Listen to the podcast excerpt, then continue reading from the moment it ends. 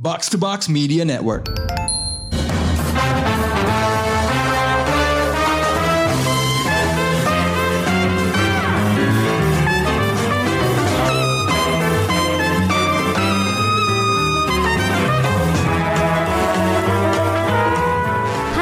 Pendengar Showbox, it's time for solo review yang kali ini akan ditemenin sama Ulil. Film yang akan gue review ini merupakan film detektif yang kembali menyelesaikan kasus misteri pembunuhan. Judulnya adalah A Haunting in Venice. Film ini diadaptasi dari novel yang ditulis oleh Agatha Christie yang berjudul Halloween Party. Sutradara dari film ini adalah Kenneth Branagh yang juga berperan sebagai Hercule Poirot di film ini sebagai tokoh utama. Nah, ini tuh merupakan film ketiga dari cerita Hercule Poirot yang seorang detektif di mana di dua film sebelumnya adalah Death on the Nile di tahun 2022 dan Murder on the Orient Express pada tahun 2017.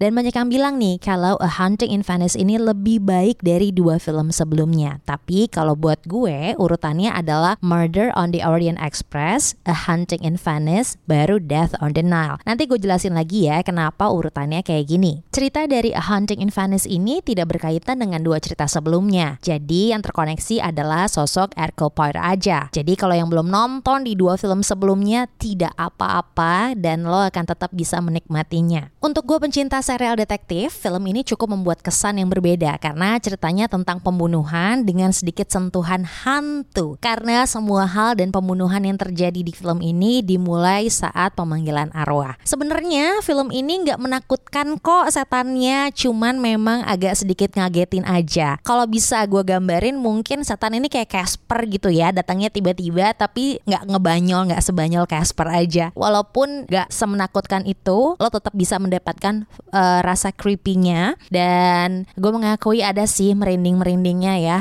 Uh, karena memang didukung dengan scoring yang bagus.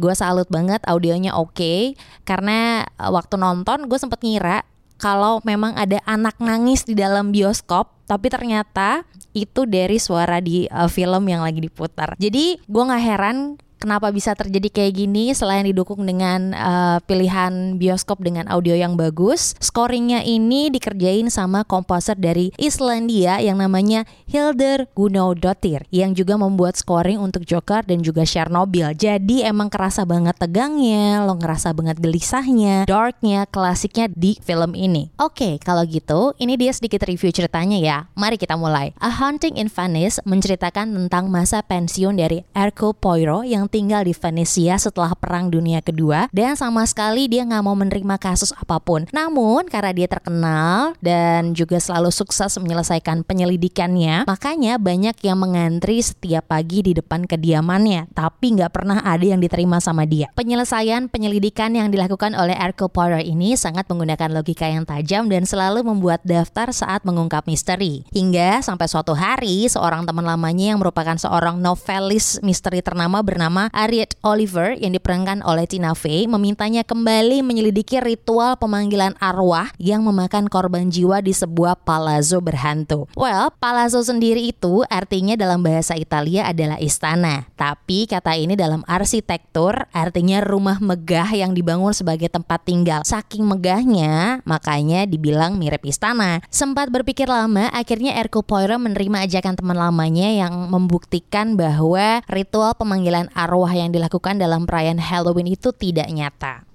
Pemanggilan arwah ini diadakan di Palazzo milik penyanyi opera ternama yang namanya adalah Rowena Drake yang diperankan oleh Kelly Reilly. Pemanggilan arwah ini bertujuan untuk mengetahui penyebab anaknya yang bernama Alice meninggal. Apakah dia meninggal bunuh diri atau karena disebabkan oleh hantu? Pemanggilan arwah ini dilakukan oleh Joyce Reynolds yang diperankan oleh Michelle Yeoh yang melepas tawaran proyek film fiksi ilmiah di Electric State demi membintangi A Haunting in Venice. Karena memang dia ini udah lama banget mau bekerja sama dengan Kenneth Branagh. Di mana Joyce Reynolds ini merupakan seorang medium terkenal atau yang biasa kita kenal dengan cenayang dan dia ini memiliki kemampuan terhubung dengan orang yang sudah meninggal. Acting Michelle Yeoh sudah tidak diragukan lagi sih karena dari looknya sangat meyakinkan dan juga di sini dia di uh, setting dengan rambut putihnya, muka dinginnya kayak cenayang-cenayang yang biasa kita lihat gitu ya. Dan dia di sini uh, digambarkan menjadi seorang pemanggil arwah dengan perantara mesin tik. Jadi tidak lama setelah Joyce melakukan pemanggilan arwah, teror sudah dimulai nih. Joy udah mulai terlihat kesurupan oleh roh-roh yang ada di dalam palazzo, yang salah satunya adalah Alice. Dan pada saat dia kesurupan, itu tuh udah sempat hampir ketahuan bagaimana misteri kematian Alice ini terungkap, tapi tidak berhasil karena satu dan lain hal. Dimulai dari sini terjadi pembunuhan-pembunuhan misterius yang memakan dua korban yang ada dalam ritual pemanggilan arwah tersebut dan Hercule Poirot mulai menyelidiki satu persatu orang yang ada di dalam palazzo. Berawal dari pembunuhan tersebut, itu yang membuat Hercule Poirot menjadikan seluruh tamu yang hadir sebagai tersangka dan dari sinilah Hercule Poirot kembali sebagai detektif. Beberapa tokoh pendukung lainnya juga diberikan part yang pas nih untuk menjelaskan profil mereka sendiri-sendiri. Jadi penonton selama satu setengah jam tidak dibuat bingung mereka ini siapa, dan mereka ini melakukan hal-hal yang semuanya hampir banget bisa menjadi tersangka sebagai pembunuh. Padahal mah jauh dari situ jadi gue nggak mau ngasih ujungnya apa nggak mau spoilerin kayak apa jadi silahkan ditonton aja sendiri nanti akhirnya gimana karena lo akan nganga lo akan terkejut mengetahui siapa pembunuhnya sebenarnya Oke, okay, Kenneth Branagh menjadi Hercule Poirot udah tiga kali ya dari film-film yang sudah dia uh, buat sebelumnya. Menurut gue di film ketiga ini aktingnya terlihat makin satset ya, makin yakin untuk melihat siapa tersangkanya. Tapi memang di sini dia uh, dalam banget dengan karakternya, mengetahui kalau misalnya dia tuh udah mau pensiun tapi terpaksa harus kembali menjadi detektif karena ada kasus pembunuhan. Jadi overall aku suka nih dengan aktingnya dia. Cuman memang ada di beberapa scene, di beberapa adegan di film ini yang kelihatannya adegannya cukup berbahaya untuk orang seumuran dia, tapi dia berhasil menaklukkannya dengan baik. Justru penontonnya yang kayak kayak aduh hati-hati ya. Aduh aku takut banget nih kalau dia sampai ini gitu. Tapi secara keseluruhan dari uh, dia memulai penyelidikan sampai dengan akhirnya gue sih suka ya. Selain Kenneth Branagh ada juga penampilan yang berkesan buat gue. Ada satu aktor cilik di uh, film ini namanya adalah Leopold Ferrier. Dia ini salah satu yang bergabung di dalam Palazzo dan dia ini adalah seorang anak dokter dalam ritual pemanggilan arwah tersebut yang ikut diundang ke dalam acara ini. Jadi uh, anak ini tuh disetting dengan cukup dewasa ya. Jadi gue bilang anak kecil ini dibikin kayak kecil-kecil tua gitu loh. Dari outfitnya, dia pakai suentai, pakai kacamata bulat terus dari buku bacaannya dia terus dia ini bisa selalu nimbrung di diskusi orang dewasa dan kayak setiap ada kejadian pembunuhan dia tuh kayak bisa kasih pandangan berbeda gitu loh. Dan anak ini juga menjadi guard untuk papanya yang seorang dokter dan ternyata papanya ini sudah lama pensiun karena memang ada isu kesehatan mental. Nah dari sini nanti akan terjawab sampai menuju akhir film kenapa anak ini seperti ini karakternya terwujud dan terbentuknya. Jadi dia juga juga di sini dibuat nggak takut sama hantu-hantu yang ada di Palazzo jadi kayak udah terbiasa banget gitu. Dan dia sangat mencuri perhatian sih. Sampai lo selesai nonton lo akan kayak wow. Nah sebelum kita mengakhiri uh, review dari A Haunting in Venice gue mau kasih tahu kalau film ini diproduseri oleh Cicit Agatha Christie. Namanya adalah James Pritchard. Dia ini memberikan kepercayaan penuh kepada tim produksi film. Selain itu uh, dia juga mempercayakan ini ini pada penulis skenario-nya yang bernama Michael Green yang mengambil beberapa sumber dari novelnya Agatha Christie yang berjudul Halloween Party dan juga dia memix dengan beberapa cerita-cerita pendek karya Agatha Christie karena memang nggak mau plek ketiplek sama dengan novelnya sehingga memang di film ini akan banyak modifikasi di luar novel aslinya. Selain dari pemerannya, skenario dan scoring, lokasi juga dibuat sangat mirip nih dengan kota Venesia yang menawan dengan nuansa Halloween dengan uh, kanal-kanal berkabut, labirin di dalam palazzo dan juga uh, labirinnya dibuat sangat tua, sangat terasa berhantu dan ini semua dibuat di Pinewood Studios London dengan ukuran sekitar dua lapangan tenis.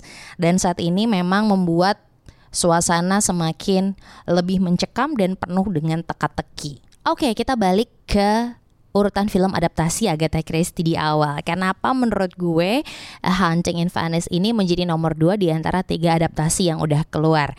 Pertama kita membandingkannya dengan uh, Venice dengan Orient Express. Menurut gue Orient Express tuh lebih kayak akan cerita dan juga pastinya bertabur bintang ya.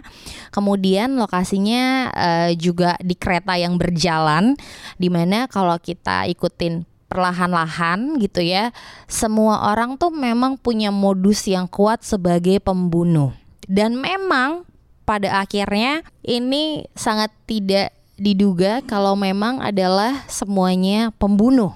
Ceritanya Rich dan juga uh, karakter semuanya di sana kuat. Dia punya drama juga nggak terlalu too much, jadi nggak terlalu boring nontonnya. Di akhirnya juga sangat mengharukan gitu ya, seru gitu jalan ceritanya padat. Sedangkan kalau gue bandingin dengan Death on the Nile, walaupun di situ ada Gal Gadot dan pada saat itu Gal Gadot juga lagi wangi-wanginya gitu ya. Film durasi 2 jam ini cukup capek banget untuk diikutin. Menurut gue terlalu banyak drama yang dimasukkan dalam film ini sehingga cerita misterinya, penyelidikannya itu nggak seperti harapan orang untuk mengikuti cerita misteri gitu loh. Jadi kayak lebih banyak nonton dramanya dan itu capek banget dua jam. Walaupun memang lokasinya juga luas, banyak gitu ya, bikin mata seger tapi kayak boring banget nungguin ini dua jam. Dan kalau lo perhatiin secara detail gitu ya, dan lo ter udah mulai terbiasa nih dengan panjangnya si Death on the Nile ini, lo udah tahu siapa pembunuhnya dari awal. Jadi kayak oh gitu aja. itu dia kenapa gue menempatkan A Hunting in Venice di posisi kedua. Tapi untuk setting dan scoring dari ketiga film ini semuanya patut diacungi jempol karena semuanya perfect, semuanya pas. A Haunting in Venice ini menjadi salah satu film misteri menuju Halloween di bulan Oktober. Jadi kalau lo mau nonton film yang seru, memanjakan mata, bikin deg-degan lewat scoringnya dan misterinya, silahkan menonton ini segera di bioskop karena sound dan visualnya pasti jauh lebih baik. Jadi hmm, kalau misalnya lo mau nonton di bioskop, gue bisa saja lo nonton di teater yang udah Dolby Atmos atau lo mau dimanjakan dengan visual yang oke lo bisa nonton di IMAX itu bener-bener keluar lo puas banget bagus banget warnanya dan soundnya enak banget. Selesai sudah selalu review A Hunting in Venice bareng sama Ula kita ketemu lagi di episode berikutnya